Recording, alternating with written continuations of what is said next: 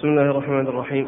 الحمد لله رب العالمين والصلاة والسلام على عبد الله ورسوله نبينا محمد وعلى آله وصحبه أجمعين. أما بعد قال الإمام الحافظ أبو عيسى الترمذي رحمه الله تعالى في جامعه باب ما جاء في زكاة مال اليتيم. قال حدثنا محمد بن إسماعيل قال حدثنا إبراهيم بن موسى قال حدثنا الوليد بن مسلم عن المثنى بن الصباح عن عمرو بن شعيب.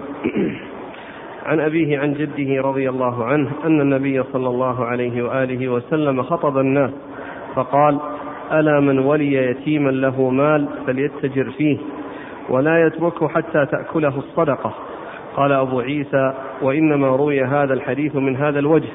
وفي إسناده مقال لأن المثنى بن الصباح يضعف في الحديث وروى بعضهم هذا الحديث عن عمرو بن شعيب أن عمر بن الخطاب رضي الله عنه فذكر هذا الحديث. وقد اختلف أهل العلم في هذا الباب فرأى غير واحد من أصحاب النبي صلى الله عليه وآله وسلم في مال اليتيم زكاة منهم عمر وعلي وعائشة وابن عمر وبه يقول مالك والشافعي وأحمد وإسحاق وقال طائفة من أهل العلم ليس في مال اليتيم زكاة وبه يقول سفيان الثوري وعبد الله بن المبارك. وعمرو بن شعيب هو ابن محمد بن عبد الله بن عمرو بن العاص وشعيب قد سمع من جده عبد الله بن عمرو. وقد تكلم يحيى بن سعيد في حديث عمرو بن شعيب وقال هو عندنا واهم. ومن ضعفه فإنما ضعفه من قبل أنه يحدث من صحيفة جده عبد الله بن عمرو. وأما أكثر أهل الحديث فيحتجون بحديث عمرو بن شعيب فيثبتونه منهم أحمد وإسحاق وغيرهما. بسم الله الرحمن الرحيم. الحمد لله رب العالمين. وصلى الله وسلم وبارك على عبده ورسوله نبينا محمد. وعلى آله وأصحابه أجمعين. أما بعد فيقول الإمام أبو عيسى رحمه الله باب الزكاة في مال اليتيم. مال اليتيم آه، هل يكون فيه زكاة أو لا يكون فيه زكاة قولان للعلماء أصحهما أن فيه زكاة وذلك أن الآيات والأحاديث التي فيها فرض الزكاة ووجوب الزكاة عامة ومتعلقة بالأموال في حق المسلمين. فكل من كان مسلما وله مال يبلغ نصابا وحال عليه الحول فإنها تجب فيه الزكاة سواء كان المالك كبيرا أو صغيرا. لا يتقيد الأمر بمن هو بالغ ومن هو كبير بل يجوز أيضا حتى يكون في الصغير وكذلك المجنون. أيضا تجب الزكاة في ماله لأن هذه الأموال تتعلق ب... لأن الزكاة تتعلق بالأموال التي للمسلمين وهؤلاء مسلمون إلا أنهم غير مكلفين. فتجب الزكاة في أموالهم لعموم الأدلة. وقد جاء في ذلك هذا الحديث الذي في إسناده ضعف لأن فيه المثنى المثنى بن سعيد بن الصباح. مثنى بن الصباح. وهو ضعيف لكنه ثبت عن عمر وعن غيره من الصحابة وجاء عن جماعة من الأئمة فالقول الصحيح هو وجوبها وجوب الزكاة في مال الصبي والمجنون لعموم الأدلة ولأنه جاء عن عدد من الصحابة ومنهم عمر رضي الله تعالى عنه. وأما الاتجار في ماله فإن هذا هذا ينظر فيه المصلحة له. فإذا كان الغالب على ظن الولي أن أنه يكون فيه ربح فإنه يتجر به. وإلا فإنه يحفظه ويبقيه له. لكن حيث يغلب على الظن حصول الفائدة والربح فيه فإنه يفعل ما هو الأصلح لذلك لذلك الصغير اليتيم. نعم. قال حدثنا محمد بن إسماعيل محمد بن إسماعيل هو البخاري آه، آه، أخرج حديثه الترمذي والنسائي عن إبراهيم بن موسى عن إبراهيم بن موسى وهو ثقة أخرجه أصحاب الكتب أخرجه أصحاب الكتب الستة. عن الوليد بن مسلم. عن الوليد بن مسلم الدمشقي ثقة أخرجه أصحاب أصحاب الكتب الستة. عن المثنى بن الصباح. المثنى بن الصباح وهو ضعيف أخرج له الترمذي. أبو داود والترمذي بن أبو داود والترمذي. وابن ماجه. وابن ماجه. عن عمرو بن شعيب. عن عمرو بن شعيب وهو صدوق أخرج حديثه البخاري في جزء القراءة وأصحاب السنن. عن أبيه. عن أبيه وهو شعيب بن محمد أخرج حديثه البخاري في جزء القراءة ورفع اليدين آه، وأصحاب السنن و عن جده وجد عبد الله بن عمرو بن العاص وهو صحابي آه، أخرج حديث وهو أحد العباد الأربعة من الصحابة وقد أخرج حديثه أصحاب الكتب الستة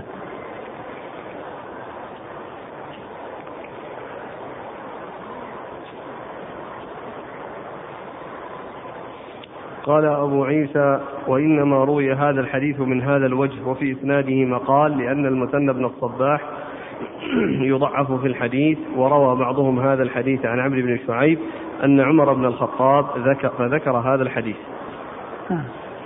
عمرو بن شعيب يعني فيه انقطاع بينه وبين عمر ولكنه ثابت عن عمر رضي الله عنه نعم لكن يعني رواه موقوف ولا رواه من مسند لا عمر؟ موقوف موقوف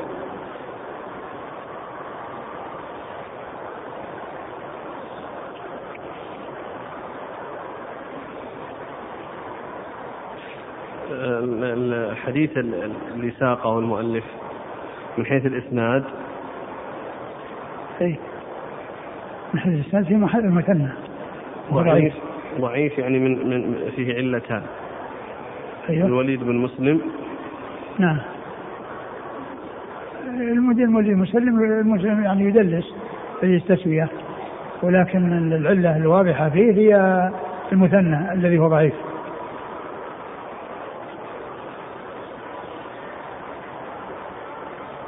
إذا له شيء يتابع؟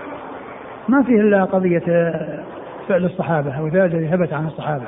الحديث ضعيف ولكن عمل الصحابة يعني مع عموم الأدلة. عموم الأدلة هو عمل الصحابة. هو الذي يدل على وجوب الزكاة في مال اليتيم.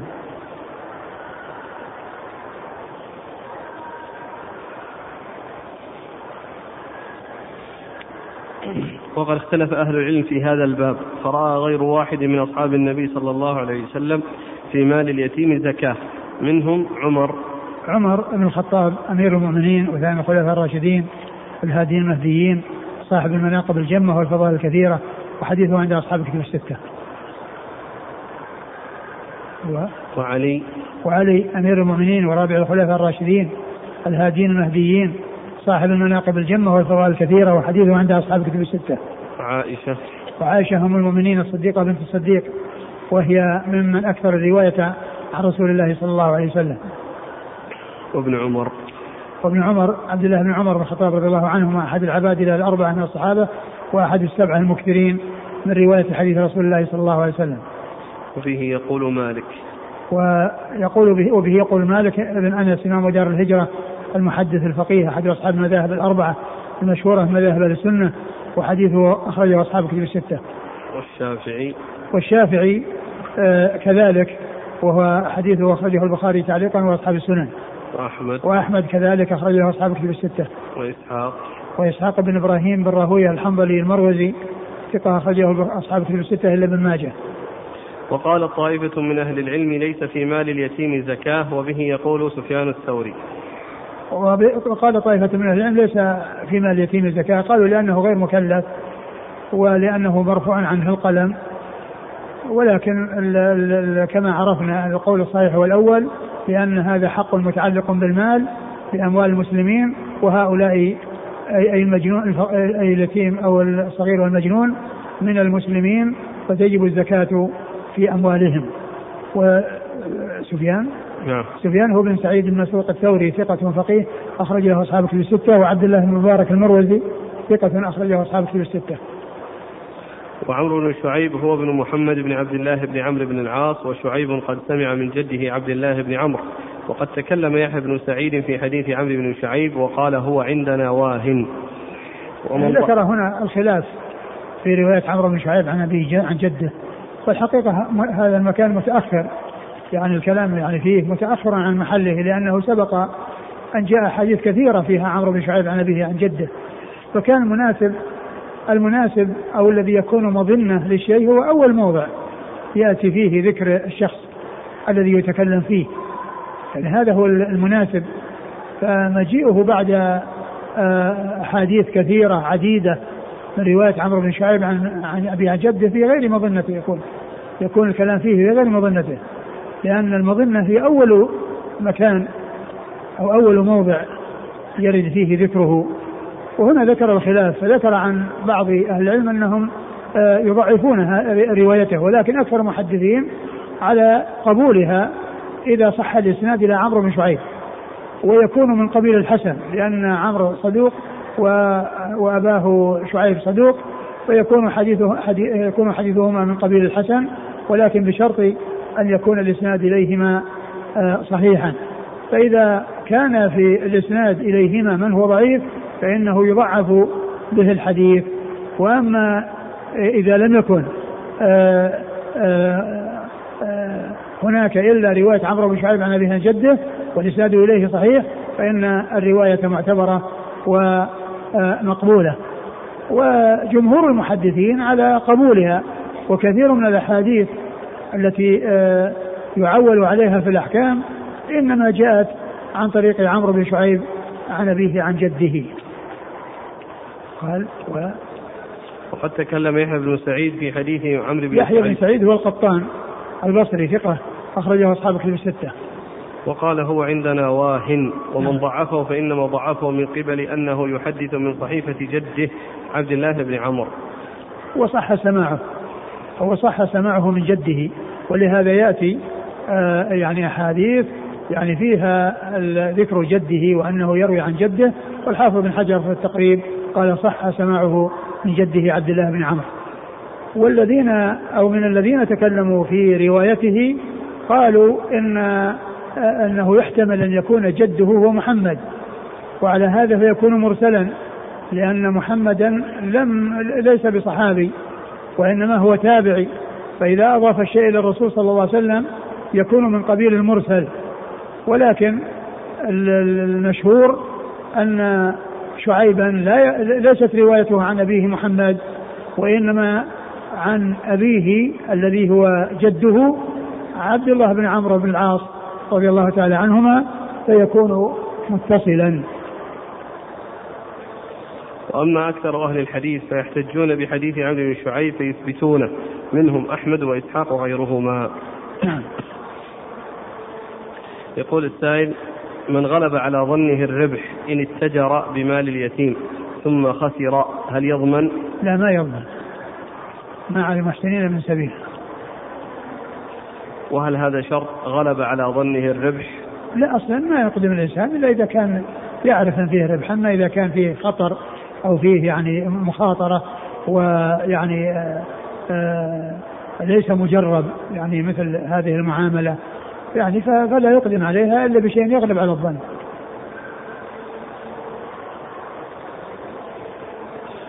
قال رحمه الله تعالى باب ما جاء أن العجماء جرحها جبار وفي الركاز الخمس قال حدثنا قتيبة قال حدثنا الليث بن سعد عن ابن شهاب عن سعيد بن المسيب وأبي سلمة عن أبي هريرة رضي الله عنه عن رسول الله صلى الله عليه وعلى آله وسلم أنه قال العجماء جرحها جبار والمعدن جبار والبئر جبار وفي الركاز الخمس.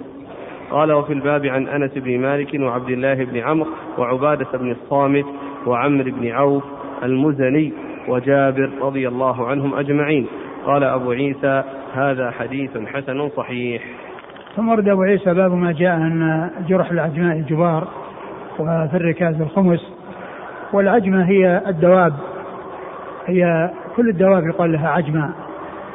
والمقصود بجرحها يعني إذا جرحت أحد أو أتلفت شيء فإذا كان يعني آه، صاحبها ما أهمل ولا فرط وإنما آه، حصل منها شيء بأن أحد جاء إليها فرفسته أو يعني حصل منها شيء بسببه ولم تكن من الأشياء الصائلة.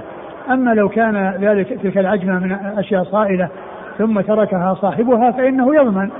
أما إذا كانت يعني ليست مما هو صائل ولكنه آه، حصل آه، منها يعني آه، جرح لشيء أو إضرار بشيء فإن فإنه هدر.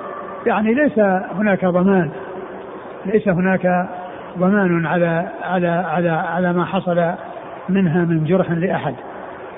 نعم. وفي الركاز الخمس آه، وفي الركاز الخمس وهذا محل الشاهد الذي أورده هنا في كتاب الزكاة والركاز هو ما وجد من دفن الجاهلية.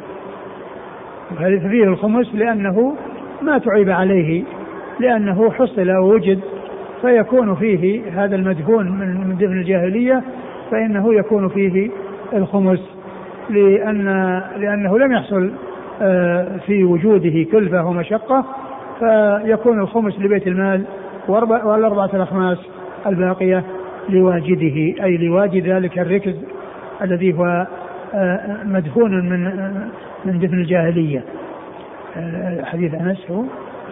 حديث أبي هريرة. حديث صلى الله عليه وسلم قال العجماء جبار. جرحها جبار. العجماء جرحها جبار. يعني هدر جبار يعني من هدر ليس مضمونا. و والمعدن جبار. والمعدن جبار. المعدن جبار يعني لو أن إنسان يعني استأجر أناس ليستخرجوا له معادن من الأرض فانهار عليهم فانهارت عليهم الأرض. وماتوا بسبب ذلك فإن الذي آه، استعملهم والذي استأجرهم لاستخراج المعادن ليس بضامن ليس بضامن آه، هلاكهم. إذا حصل انهيار شيء عليهم فإنه لا يكون ضامنا والمعدن جبار و والبئر, والبئر جبار.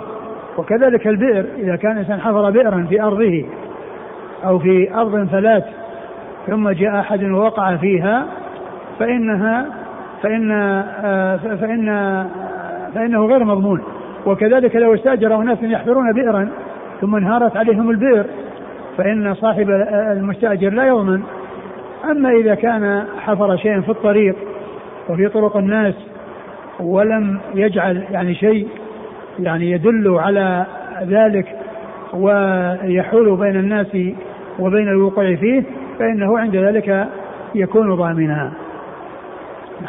وفي الركاز الخمس نعم. قال حدثنا قتيبة. قتيبة بن سعيد بن جميل بن طريف البغلاني ثقة أخرجه أصحاب كتب الستة. عن الليث بن سعد. الليث بن سعد المصري ثقة فقيه أخرجه أصحاب كتب الستة. عن ابن شهاب. ابن شهاب محمد بن مسلم بن عبيد الله بن شهاب الزهري ثقة فقيه أخرجه أصحاب كتب الستة. عن سعيد بن المسيب. عن سعيد بن المسيب وهو ثقة فقيه أحد فقهاء المدينة السبعة في عصر التابعين. أخرجه أصحاب كتب الستة. وأبي سلمة وأبي سلمة بن عبد الرحمن بن عوف وهو ثقة فقيه أحد فقهاء المدينة السبعة في عصر التابعين على أحد الأقوال الثلاثة السابع منهم وحديثه أخرجه أصحاب كتب الستة. عن أبي هريرة عبد الرحمن بن صخر الدوسي رضي الله تعالى عنه وهو أكثر الصحابة حديثا. قال وفي الباب عن أنس بن مالك أنس بن مالك خادم النبي صلى الله عليه وسلم وأحد السبعة المعروفين بكثره الحديث عنه صلى الله عليه وسلم. وعبد الله بن عمرو عبد الله بن عمرو مر ذكره. وعبادة بن الصامت وعبادة بن الصامت أخرج له أصحاب كتب الستة. وعمرو بن عوف وعم وعمرو بن عوف اخرجه أصحاب كتب الستة. وجابر وجابر بن عبد الله الأنصاري رضي الله عنهما أحد المكثرين من حديث رسول الله صلى الله عليه وسلم. قال أبو عيسى هذا حديث حسن صحيح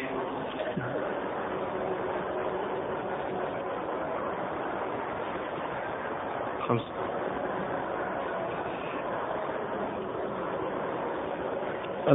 قوله جرحها ليس بقيد. لازم تجرح؟ لا مو لازم. مو لازم لأنه لو لو خبطته ولم يحصل جرح ولكن حصل ضرر فإن الحكم واحد. يعني آه، هو جبار يعني كونها يعني آه، حصل منها. لكن إذا كان إذا كان صائل وتركه فإنه مضمون سواء كان حصل جرح أو حصل إضرار يعني ولو بالثقل يعني بأن يعني ربضت عليه أو بركت عليه وحصل له هلاك ولم يحصل له جرح النتيجة واحدة الحكم واحد. يقول الشيخ محمد فاز الباقي وهو محمول على ما إذا أتلفت شيئا بالنهار. أو أتلفت بالليل بغير تفريط من مالكها يعني بالليل يعني كما هو معلوم الناس يعني آه، يرون ويشاهدون ويحافظون على أملاكهم والنهار يعني ذكر الليل ذكر على اعتبار أن الناس ينامون ويغفلون عن وأن الواجب عليه أنه يحفظها اللي هو صاحبها يعني يحفظها بالليل ويسرحها في النهار. اذا يضمن. نعم. في الليل. أي نعم. يعني معناه إنه يضمن. إذا كان فرط يعني ب أما إذا كانت انطلقت منه أو انطلق عقالها بدون تفريط منه فإنه لا يضمن. قصة داود مع سليمان في, نعم. في الحرث. نعم. نعم وش فيها؟ في هذا المعنى إذ أي. يحكمان أي نعم. نفس في غنم القوم. اي نعم اي نعم.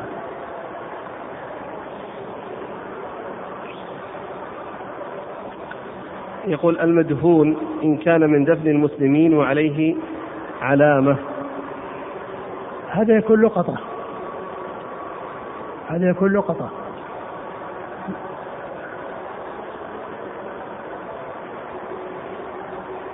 يقول الخمس هل آه، يخرج على اعتبار أنه في أو زكاة؟ لا في.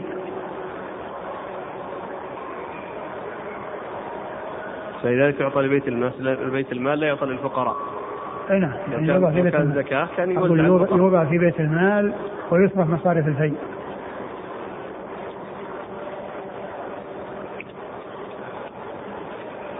قال رحمه الله تعالى باب ما جاء في الخرص قال حدثنا محمود بن غيلان قال حدثنا أبو داود الطيالسي قال أخبرنا شعبة قال أخبرني خبيب بن عبد الرحمن. قال سمعت عبد الرحمن بن مسعود بن نيار يقول جاء سهل بن أبي حثمة رضي الله عنه إلى مجلسنا تحدث أن رسول الله صلى الله عليه وسلم كان يقول إذا خرستم فخذوا ودعوا الثلث فإن لم تدعوا الثلث فدعوا الربع. قال وفي الباب عن عائشة وعتاب بن أسيد وابن عباس رضي الله عنهم أجمعين. قال أبو عيسى والعمل على حديث سهل بن أبي حثمة عند أكثر أهل العلم في الخرص وبحديث سهل بن أبي حثمة يقول أحمد وإسحاق والخرص إذا أدركت الثمار أدركت. أدركت. إذا أدركت الثمار من الرطب والعنب مما فيه الزكاة بعث السلطان خالصا يخرص عليهم والخرص أن ينظر أن ينظر من يبصر ذلك فيقول يخرج من هذا الزبيب كذا وكذا ومن التمر كذا وكذا فيحصي عليهم وينظر مبلغ العشر من ذلك فيثبت عليهم. ثم يخلي بينهم وبين الثمار فيصنعون ما أحبوا فإذا أدركت الثمار أخذ منهم العشر. هكذا فسره بعض أهل العلم وبهذا يقول مالك والشافعي وأحمد وإسحاق. نعم. قال حدثنا أبو عمرو مسلم بن عمرو الحذاء المدني قال حدثنا عبد الله بن نافع الصائغ عن محمد بن صالح التمار عن ابن شهاب عن سعيد بن المسيب عن عتاب بن أسيد رضي الله عنه أن, أن النبي صلى الله عليه وسلم كان يبعث على الناس من يقرص عليهم كرومهم وثمارهم. وبهذا الإسناد أن النبي صلى الله عليه وسلم قال في زكاة الكروم إنها تقرص كما يقرص النخل ثم تؤدي أدى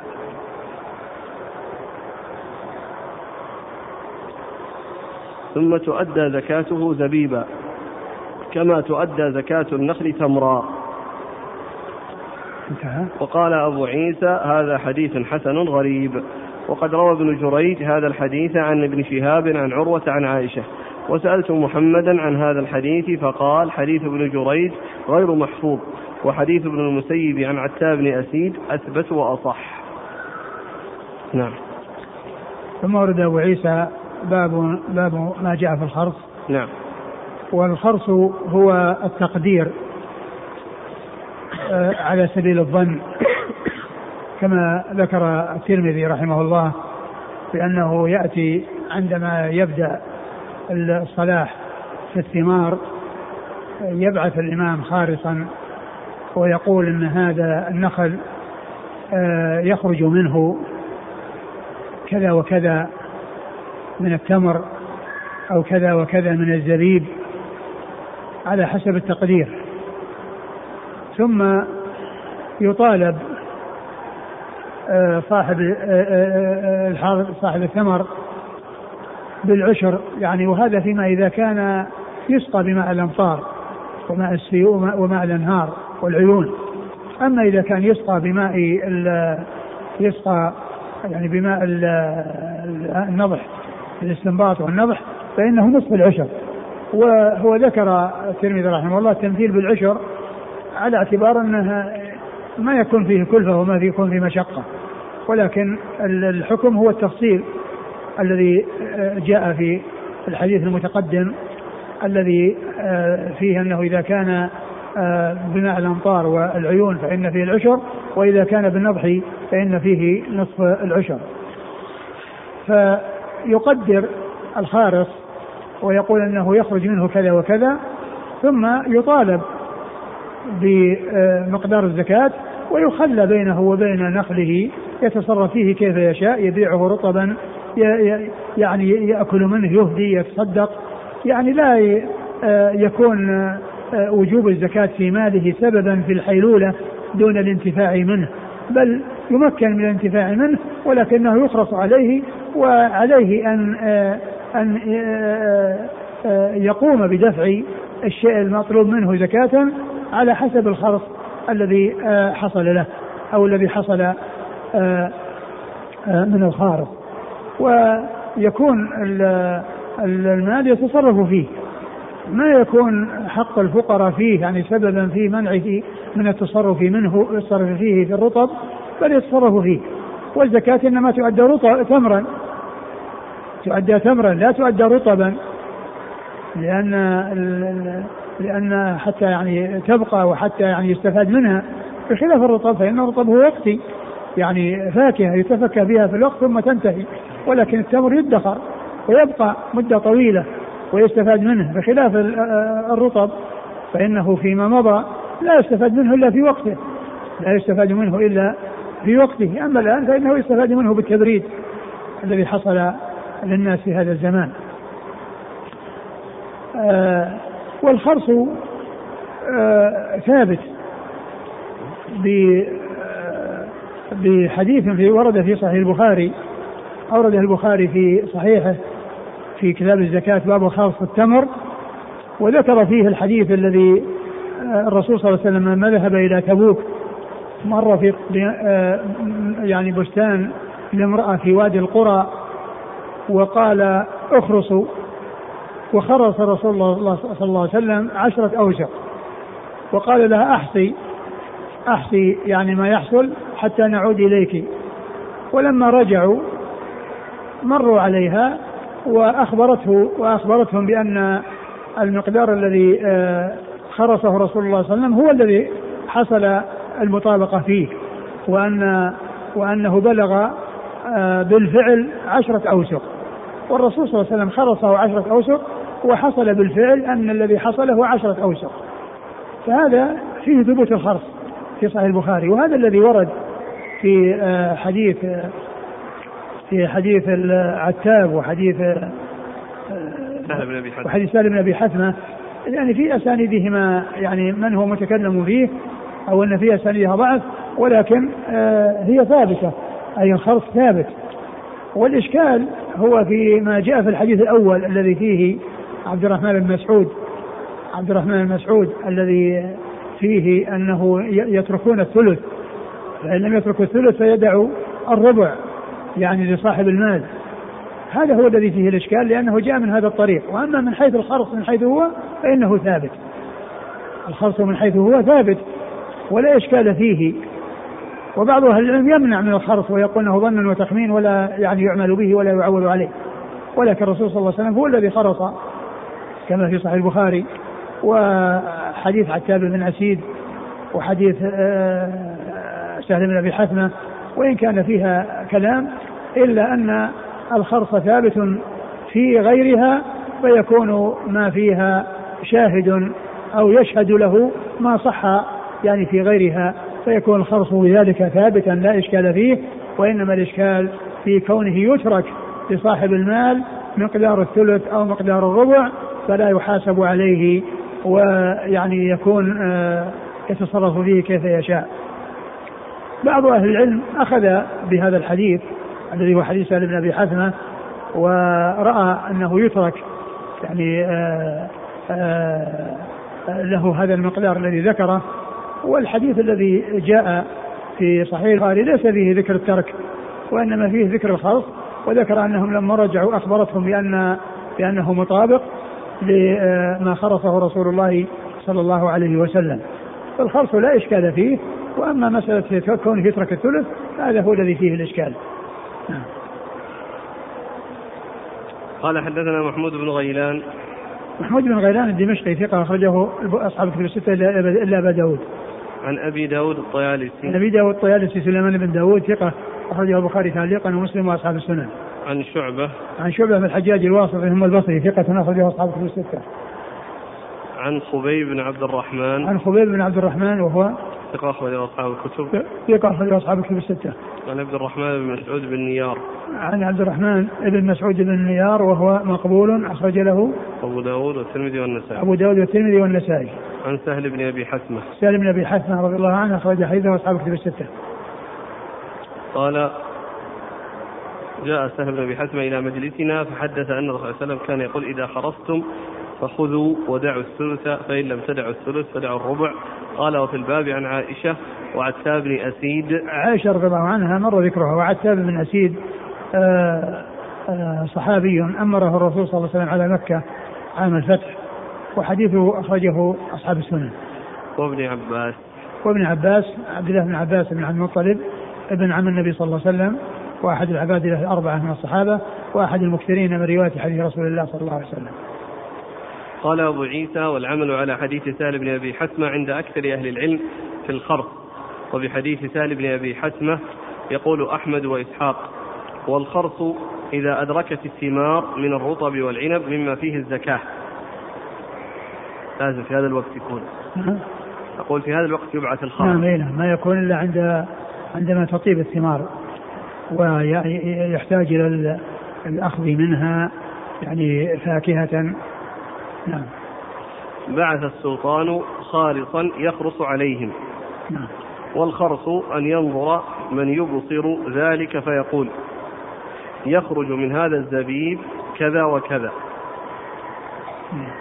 ومن التمر كذا وكذا. نعم. يخرج من يخرج من هذا أي العنب زبيب مقداره كذا وكذا.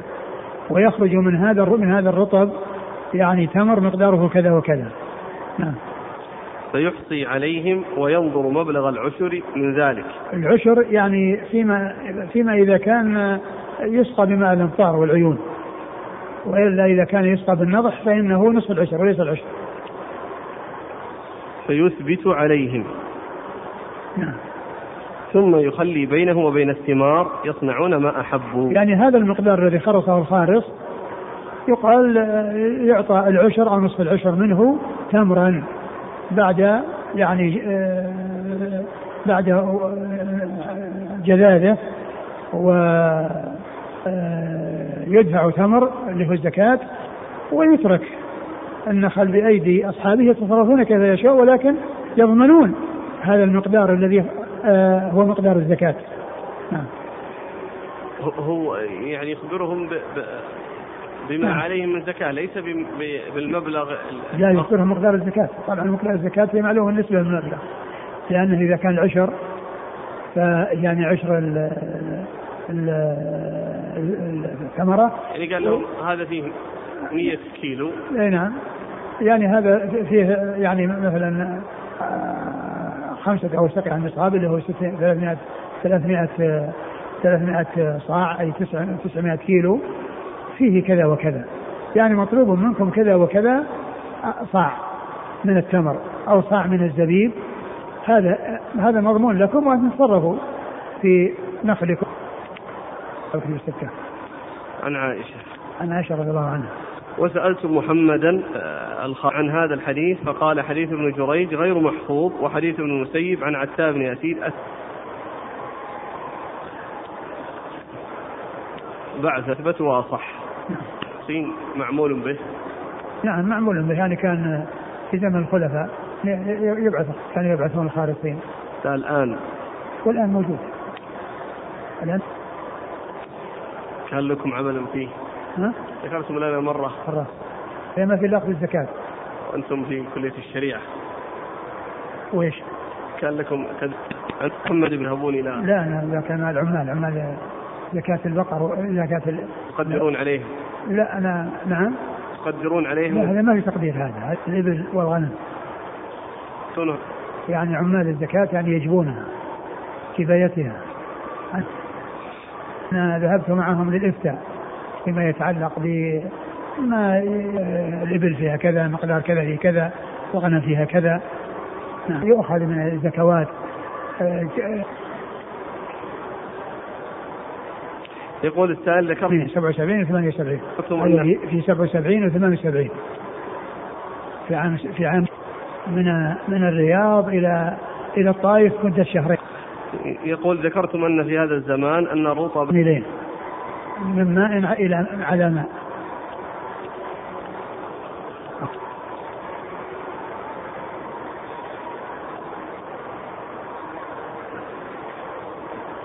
أن أنه يجوز الزكاة من الرطب لأنه الآن يحفظ. أو ثمرة لا ما- وإنما كما جاء في الحديث أو كان كان ما جاء أنه يخرج الزكاة رطب تمر لأنه الذي يعني يستفاد منه في صفة دائمة دون حاجة يقول ذك... أو هو الذي هو الذي يزكي إلى تبريد. ثم حفظ التبريد. فهل نفهم؟ أجل أصحابكم الستة عن عائشة. عن عائشة رضي الله عنها. وسألت محمدا عن هذا الحديث فقال حديث ابن جريج غير محفوظ وحديث ابن المسيب عن عتاب بن يسير أثبت وأصح.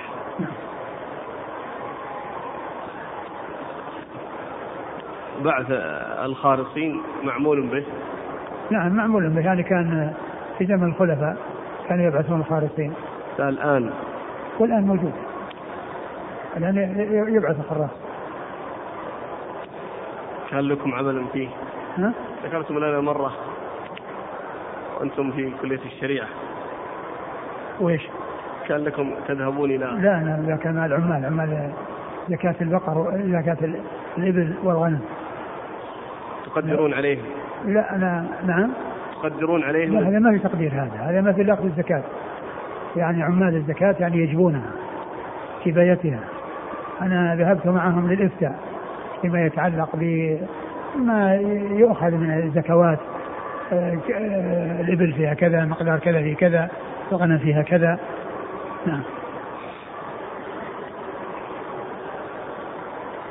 يقول السائل ذكرتم في 77 و 78 في عام في عامين 77 و 78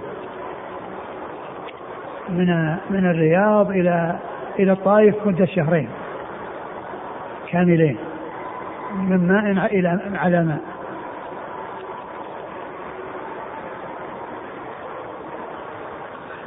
يقول ذكرتم أن في هذا الزمان أن الرطب يحفظ بالتبريد فهل نفهم أن أنه يجوز الزكاة من الرطب لأنه الآن يحفظ؟ لا. ما- وإنما كما جاء في الحديث أو كما جاء أنه يخرج الزكاه رطب تمر لأنه هو الذي هو الذي يعني يستفاد منه في صفه دائمة دون حاجة إلى تبريد يقول ذك... أن الشيخ ابن عثيمين رحمه الله ذكر في شرح الزاد أن الثلث يترك ليعطيه صاحب المال للفقراء من قرابته وجيرانه لا أنه ليس عليه فيه زكاة كيف؟ يترك هو يترك المال كله بيده. لا ودعوا له الثلث أو الربع. م. هذا المقدار اللي يتصرف فيه صاحب المال هو اللي يزكي يخرجه للفقراء المساكين. ولا يؤخذ من الزكاة. والباقي هم يأخذونه ال- ولا. من الزكاة. لا هو نفسه ذا الثلث. لا هو إذا كان إنه يعني معناه إنه لن يؤخذ يعني الزكاه ستخرج من الثلثين أو من ثلاثة الارباع وهذا آه، جاء في هذا الحديث والحديث هذا فيه كما عرفنا آه، هذا الرجل المقبول. والخلص من حيث هو هذا ما فيه إشكال. وإنما الإشكال في كون يترك له الثلث يترك الثلث من الخرص وليس من من المال المزكي. من الخرص إي. يقول الشيخ البين هذا؟ لا. يقول يترك الثلث من الخرص يعني من من مقدار الزكاة؟ لا. كيف؟ لأنه كان يعني يبدو والله أعلم أنه يترك له يعني ثلث ثلث الثمرة فلا فلا فلا يحاسب عليها. وإنما يحاسب على الثلثين أو على ثلاثة الأرباع هي التي يعني يحسب لها زكاة. الحديث يقول إذا خرجتم فخذوا ودعوا الثلث. يعني خذوا. للجميع. نعم لكنهم يعني يدعون الثلث من إيش؟ مما خرصوا. يعني فلا يأخذون عليه الزكاة. لا. إيش؟ لأن الخرص تقدير وربما لم يصيبوا فحتى لا يجحفوا صاحب المال هم يخرصون عليه خرص. ربما زادوا في الخرص فحتى لا, لا يجحف. هو الزيادة ما يجوز الزيادة وإنما يقدرون. هي مسألة ما هي مضمونة تقدير. لا شك يعني قد تزيد وقد تنقص. فلذلك ضمانا قد تزيد قد تزيد لا يجحف فيه. قد تزيد وقد تنقص. لكنه يترك الثلث يعني من من خرصهم يعني معناه أنه آه، آه، الذي خرصوه يحذف نصف ثلثه أو يحذف ربعه ويحاسب على الثلثين أو ثلاث أرباع. هذا هو معناه. أي نعم. نعم. وبالتالي هذا الثلث نبقيه لصاحب المال وهو يخرجه. لا نبقي نبقي الثمرة كلها بيده. هي الثمرة كلها باقية بيده يتصرف فيها مثل ما قال آه، الترمذي في في طريقة الخرف ثم يخلى بينه وبين نخله أو ثمرته يتصرف فيها كيف يشاء. ويضمن آه، مقدار الزكاة فقط. هذا هو هذا هو الذي يفهم من, من هذا الكلام. قضية حديث حديث سهل بن أبي حاتم اللي يعني معناه إنهم يعني يخرصون ولكن لا يحاسبون إلا على الثلثين أو ثلاثة الارباع. هذا هذا هو معنى الحديث. هذا هو. هو متروك له هو متروك له كل ماله بيده يتصرف فيه ولكنه مضمون ولكنه يضمن مقدار الزكاة. على هذا الحديث مقدار الثلثين. لكن غير هذا الحديث ما تعرض للثلثين ولا الثلث ولا شيء.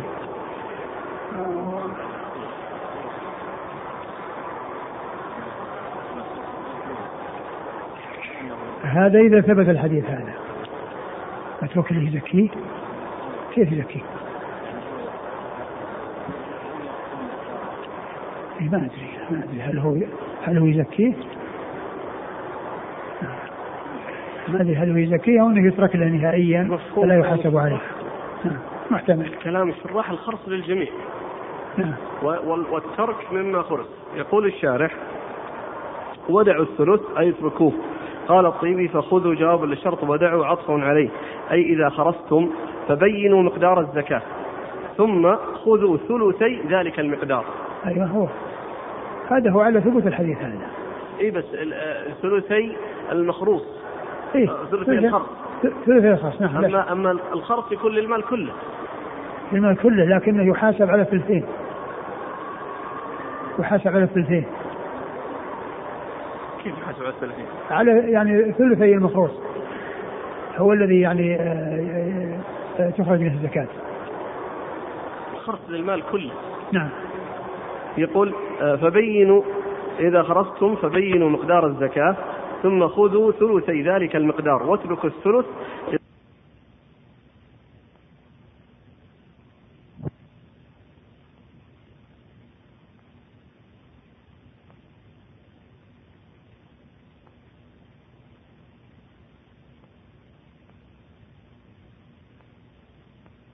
ثلث لتر. اي حتى يتصرف فيه هو يصدق فيه. هذا يتصرف فيه كيف يشاء يتصدق ولا ياكل ولا يهدي. قال القاضي الخطاب مع المصدقين. أمرهم أن يتركوا للمالك ثلث ما خرصوا عليه أو ربعة توسعة عليه نعم. حتى يتصدق به هو على جيرانه ومن يمر به ويطلب منه. هذا هو نفس يعني هذا الثلث الذي مع أنه كما هو معلوم هو المال كله بيده يبي يتصرف فيه كذا شيء. والزكاة هي مقدار بسيط يعني لا يعني آه، قضية الثلث هذا يعني معناه إنه يفوت يعني بيفوت شيء كثير بسببه اللي يفوت من الزكاة يعني شيء كثير ما يأخذ عليه زكاة. ويتصدق به هو على جيرانه ومن يمر به ويطلب منه فلا يحتاج إلى أن يغرم ذلك من ماله. وهذا قول قديم للشافعي قول قديم للشافعي وعامة أهل الحديث. وعامة الحديث. على هذا القول. نعم. على أنه يترك؟ يترك له الثلث وعامة أهل الحديث قال؟ نعم آه. وهذا قول قديم للشافعي وعامة أهل الحديث يعني وش بعده؟ ثم قال وعند أصحاب الرأي لا عبرة بالخرص لإفضائه إلى الربا لا هذا الخرص هذا من حيث هو إيه. من حيث هو هذا الكلام على على ثبوت هذا هذا الحديث هذا اللي هو الذي ما جاء إلا من هذا الطريق.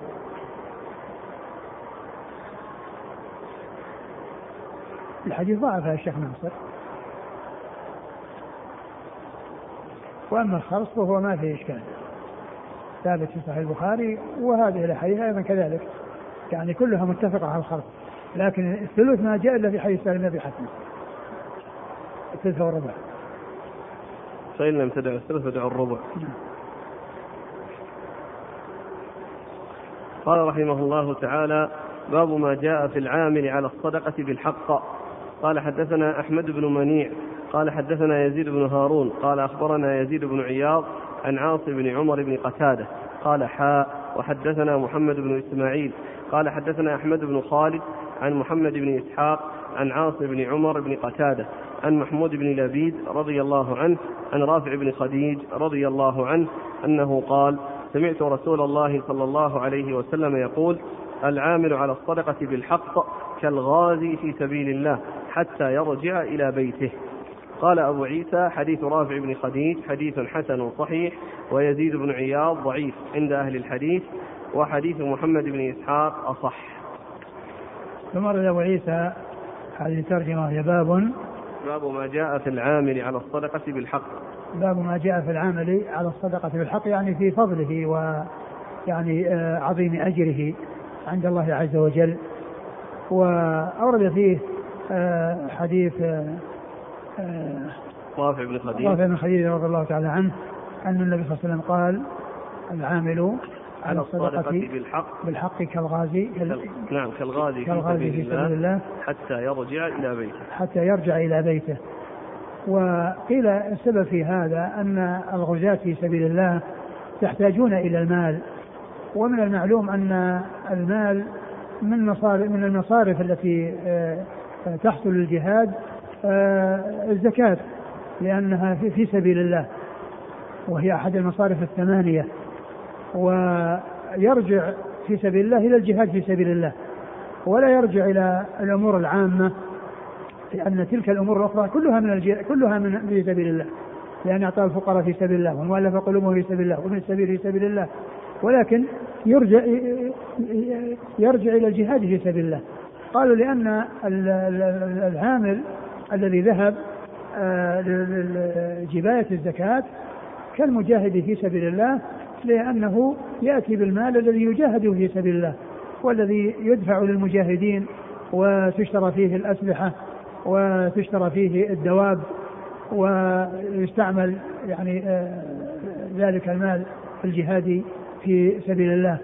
وكذلك أيضا إذا كان قام بما يجب عليه بأمانة وبإخلاص وبعدم غلول وما إلى ذلك فإنه أيضا يكون مأجورا بفعله هذه الأفعال وقيامه بهذه بهذه الأعمال. قال حدثنا أحمد بن منيع. أحمد بن منيع ثقة أخرجه أصحاب الكتب الستة. عن يزيد بن هارون. يزيد بن هارون الواسطي ثقة أخرجه أصحاب الكتب الستة. عن يزيد بن عياض. يزيد بن عياض كذبه. مالك وغيره. كذبه مالك وغيره. والترمذي بن ماجه. أخرجه الترمذي وابن ماجه. عن عاصم بن عمر بن قتادة. عن عاصم بن عمر بن قتادة وهو ثقة أخرج أصحاب الكتب. ثقة أخرج أصحاب الكتب الستة. قال حا وحدثنا محمد بن إسماعيل. ثم قال حا وحدثنا محمد إسماعيل هو البخاري مر ذكره. عن أحمد بن خالد. عن أحمد بن خالد. صدوق. وهو صدوق أخرج حديثه. البخاري في جزء القراءة وأصحاب السنن. البخاري في جزء القراءة وأصحاب السنن. عن محمد بن إسحاق. عن محمد بن إسحاق المدني وهو صدوق أخرج حديث البخاري تعليقا ومسلم وأصحاب السنن. عن عاصم بن عمر عن محمود بن لبيد. عن عاصم بن عمرو ومحمود مر ذكره. ومحمود بن لبيد صحابي صغير أخرج له. البخاري في المفرد ومسلم وأصحاب السنن. البخاري في المفرد ومسلم وأصحاب السنن. الرافع بن خديج. رافع بن خديج أخرج حديثه اصحاب الكتب الستة. قال أبو عيسى حديث رافع بن خديج حديث حسن صحيح ويزيد بن عياض ضعيف عند أهل الحديث وحديث محمد بن إسحاق أصح. حديث محمد بن إسحاق أصح وهو قد روى بالعنعنة لكن ذكر الشيخ ناصر ان أنه صرح بالسماع في مسند الإمام أحمد.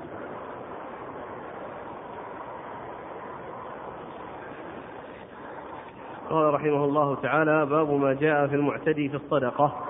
قال حدثنا قتيبة قال حدثنا الليث عن يزيد بن أبي حبيب عن سعد بن سنان عن أنس بن مالك رضي الله عنه أنه قال قال رسول الله صلى الله عليه وسلم المعتدي في الصدقة كمانعها. قال وفي الباب عن ابن عمر وأم سلمة وأبي هريرة رضي الله عنهم أجمعين.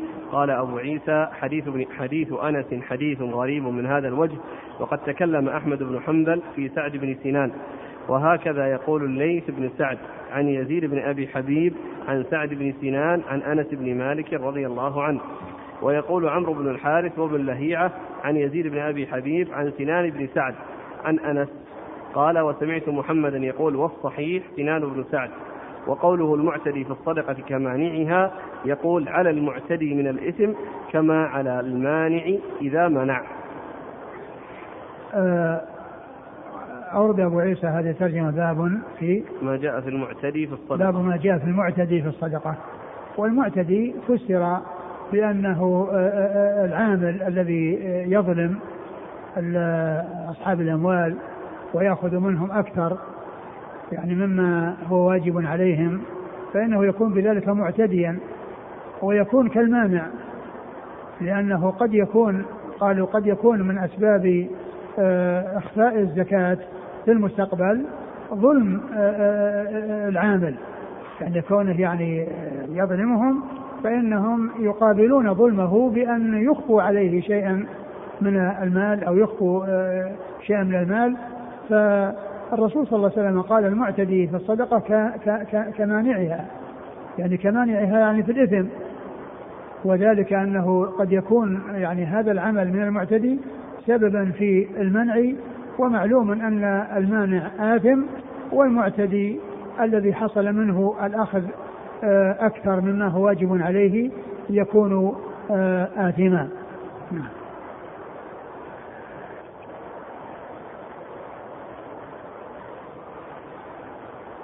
قال حدثنا قتيبة. قتيبة مر ذكره. عن الليث بن عن الليث عن يزيد, مر ذكره. عن يزيد بن أبي حبيب. يزيد بن أبي حبيب ثقة أخرجه أصحاب في الستة. عن سعد بن سنان. عن سعد بن سنان ويقال سنان بن سعد وهو صدوق أخرج له. البخاري في المفرد وأبو داود والترمذي بن ماجه. البخاري في المفرد وأبو داود والترمذي بن ماجه. عن؟ عن أنس بن مالك أنس رضي الله عنه وقد مر ذكره. قال وفي الباب عن ابن عمر وأم سلمة. ابن عمر مر ذكره وأم سلمة هند بنت أبي أمية أم المؤمنين رضي الله عنها وحديثها أخرجه أصحاب كتب الستة.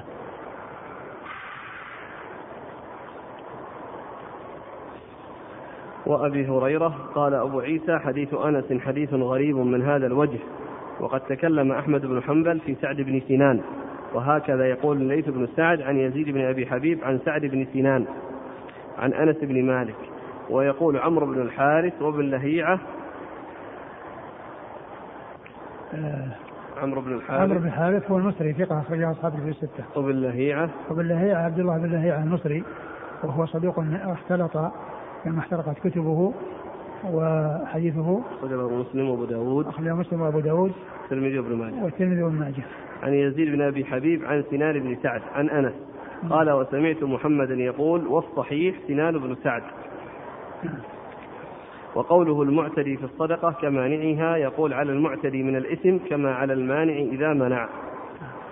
قال رحمه الله تعالى باب ما جاء في رضا المصدق. قال حدثنا علي بن حجر قال أخبرنا محمد بن يزيد عن مجالد عن الشعبي عن جرير رضي الله عنه أنه قال قال النبي صلى الله عليه وسلم إذا أتاكم المصدق فلا يفارقنكم إلا عن رضا. قال حدثنا أبو عمار الحسين بن حريث قال حدثنا سفيان بن عيينة عن داود عن الشعبي عن جرير عن النبي صلى الله عليه وسلم بنحوه. قال أبو عيسى حديث داود عن الشعبي أصح من حديث مجالد وقد ضعف مجالدا بعض أهل العلم وهو كثير الغلط. ثم ورد أبو عيسى هذا الترجمة باب ما جاء في رضا المصدق. والمصدق هو العامل الذي يأخذ الصدقة من أصحابها ويأخذ الزكاة من أهلها والمقصود من ذلك أن أن أن أن المصدق إذا جاء ينبغي أن يجد من أصحاب الأموال انشراح صدور ورغبة في أداء زكواتهم وإخراجها طيبة بها نفوسهم فيذهب إليهم يذهب منهم وقد آه، سر لما شاهده من رغبتهم في أداء ما أوجبه الله عز وجل عليهم. فلا يكون آه، آه، فلا يكون منهم شيء يجعل المصدق لا يرتاح لهم بأن يحصل منهم يعني شيء من الامتناع.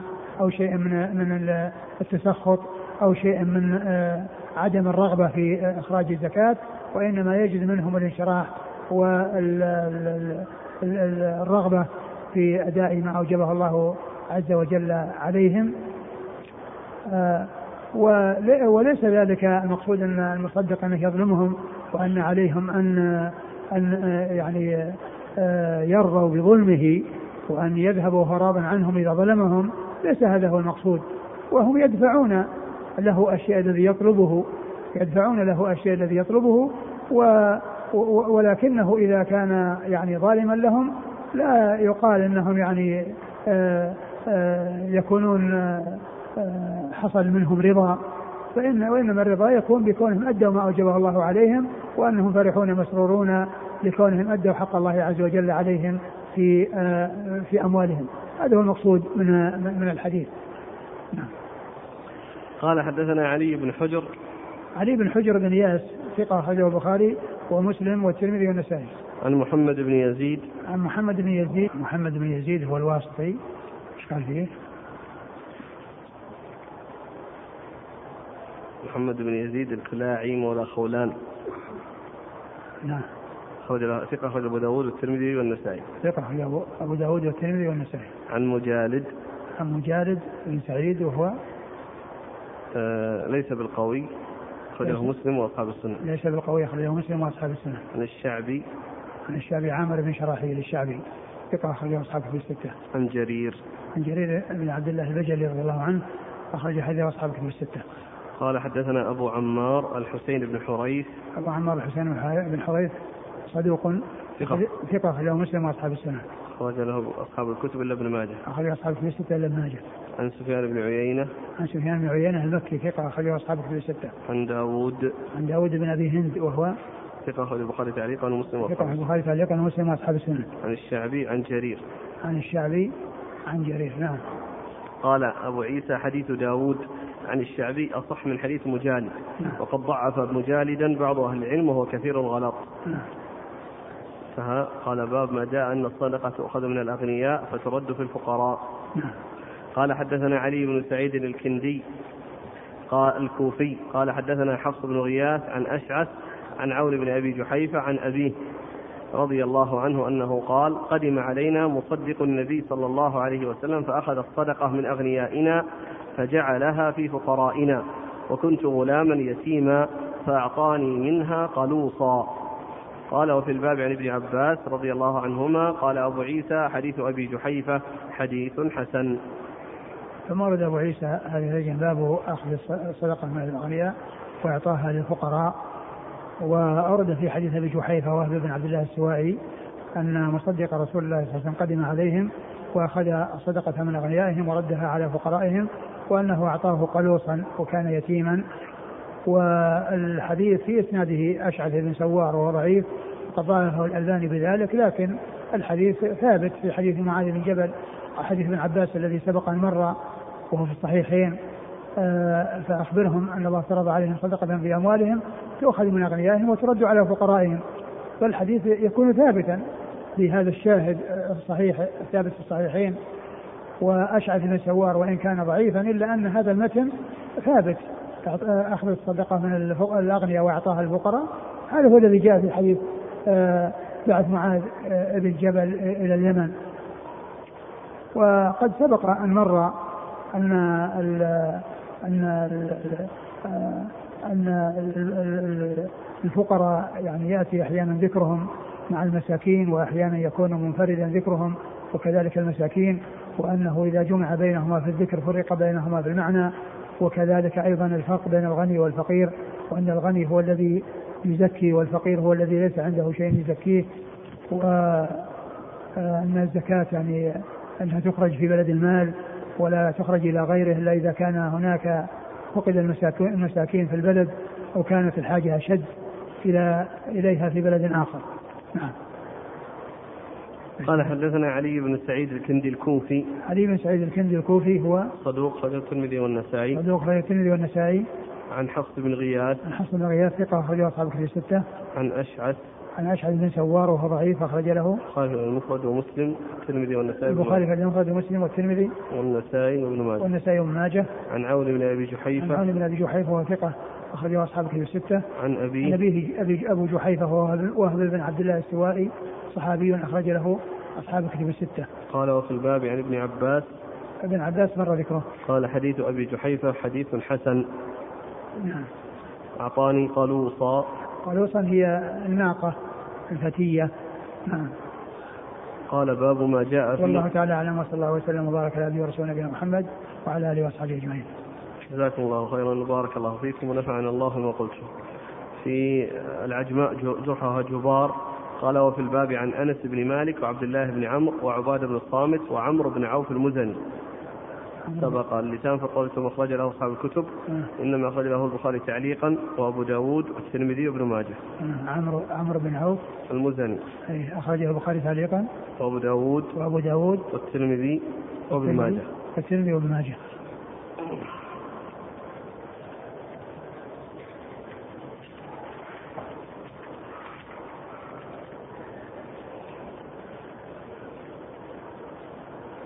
الأخوة جزاهم معهم كتاب الشرح الممتع. يقول آه، الشيخ رحمه الله قوله إذا خرجتم فخذوا ودعوا الثلث فإن لم تدعوا الثلث فدعوا الربع. هل المراد منه إسقاط الزكاة في هذا القدر من الثمر؟ أو المراد أن يجعل الثلث من الزكاة أن يجعل الثلث من المال للمالك؟ أن يجعل؟ الثلث من الزكاة. آه. للمالك يتصرف فيه. الصحيح أن هذا ليس من باب الإسقاط بل جعل التصرف فيه للمالك لأنه قد يكون للمالك أقارب وأصحاب وما أشبه ذلك يعطيهم من الزكاة. ويدل على أن هذا هو القول الر... ها؟ يعطيهم من الزكاة؟ أي. يعني زكاة الثلث؟ أي لا. على ما ما ما بينا أن الثلث هذا من الخرص إي نعم. الثلث يعني هذا يعني يعطيهم من زكاته كأنه يعني هكذا لأنه ذكر معنيه أقول الشيخ ذكر معنيه للذي هل المراد منه إسقاط الزكاة في هذا القدر من الثمر؟ اي نعم يعني ليس فيه زكاة هذا المقدار. أي أيوه أو, أو المراد أن يج... أن يجعل الثلث من الزكاة للمالك. يتصرف فيها. يتصرف فيه أيوه أيوه. الصحيح أن هذا ليس من باب الإسقاط. مم. بل جعل التصرف فيه للمالك. يعني تصرف في الزكاة في الثلث لا ثلث يعني الزكاة ثلث. الزكاة. زكاة الثلث لا. ثلث الزكاة. هو نعم هي زكاة الثلث نتيجة واحدة. هي ثلث الزكاة المال كله أو زكاة هذا الثلث الذي تركه ترك له. لأنه قد يكون للمالك أقارب أقارب وأصحاب. وما أشبه ذلك يعطيهم من الزكاة. ويدل على أن هذا هو القول الراجح عموم قول النبي صلى الله عليه وسلم فيما سقت السماء العشر. ويدل؟ ويدل على أن هذا هو القول الراجح. عموم قول النبي صلى الله عليه وسلم فيما سقت السماء العشر. وش يقول الراجل؟ يعني إنه لابد من إخراج لأنه إذا اسقطناه معناته إنه في شيء ما خرجنا زكاته اي بس إنه ما دام إنه يعني معناها على على اعتبار المقصود أنه سيكون الثلث هذا يتولى إخراج زكاته يتصرف فيها صاحب المال. إيه أي نعم. يكون يعني كل المال قد إيه. زكيناه اي لكن ما في؟ لكن ما في معنى أنه يسقط له من أجل الخرص من أجل الاحتمال أنه يعني يكون يعني غير منضبط. ما ذكر إيه. هنا في التعليق على الحديث يذكر بأن الحديث يعني مخرج ثم قال وله شاهد موقوف عن عمر. أخرجه الحاكم وصححه وانظروا التلخيص صححه الحاكم. الموقوف على عمر نعم. أما حديث سهل بن الحسنة كما كما ذكر عندنا أبي داود والترمذي نعم. وأحمد نعم. يقول هل يصح أن يشتري المقدار مقدار الزكاة المخروص من السوق أو لابد أن يكون هذا المقدار من منتوج مزرعته. لا من مزرعته. لأنه قد يشتري يعني شيء مو طيب.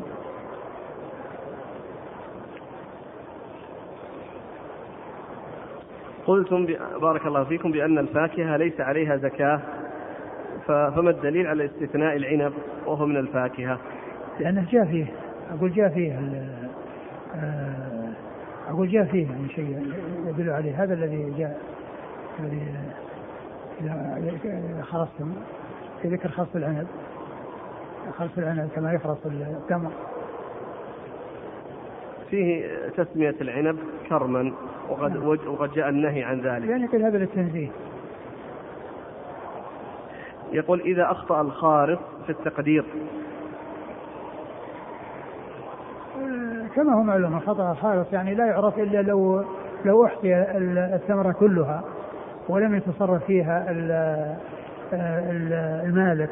لكن إذا كان المالك يعطي ويتصدق من هذا لا يمكن أن يضبط آه، العدد إذا أصاب الثمرة شيء بعدما خرصت فهل تسقط الزكاة؟ تسقط نعم. يقول السائل ليس عندنا من يخرص وعندنا بساتين نخل فهل نقدر على أنفسنا ونخرج؟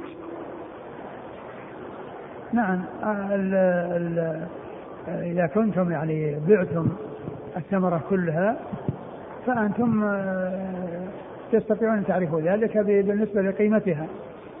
ويمكن أنكم إذا كنتم بعتموها كلها أنكم تخرجون آه، آه، عشر القيمة أو نصف عشر القيمة على حسب المؤونة والتكلفة نعم. جزاكم الله خيرا بارك الله فيكم ونفعنا الله بما قلت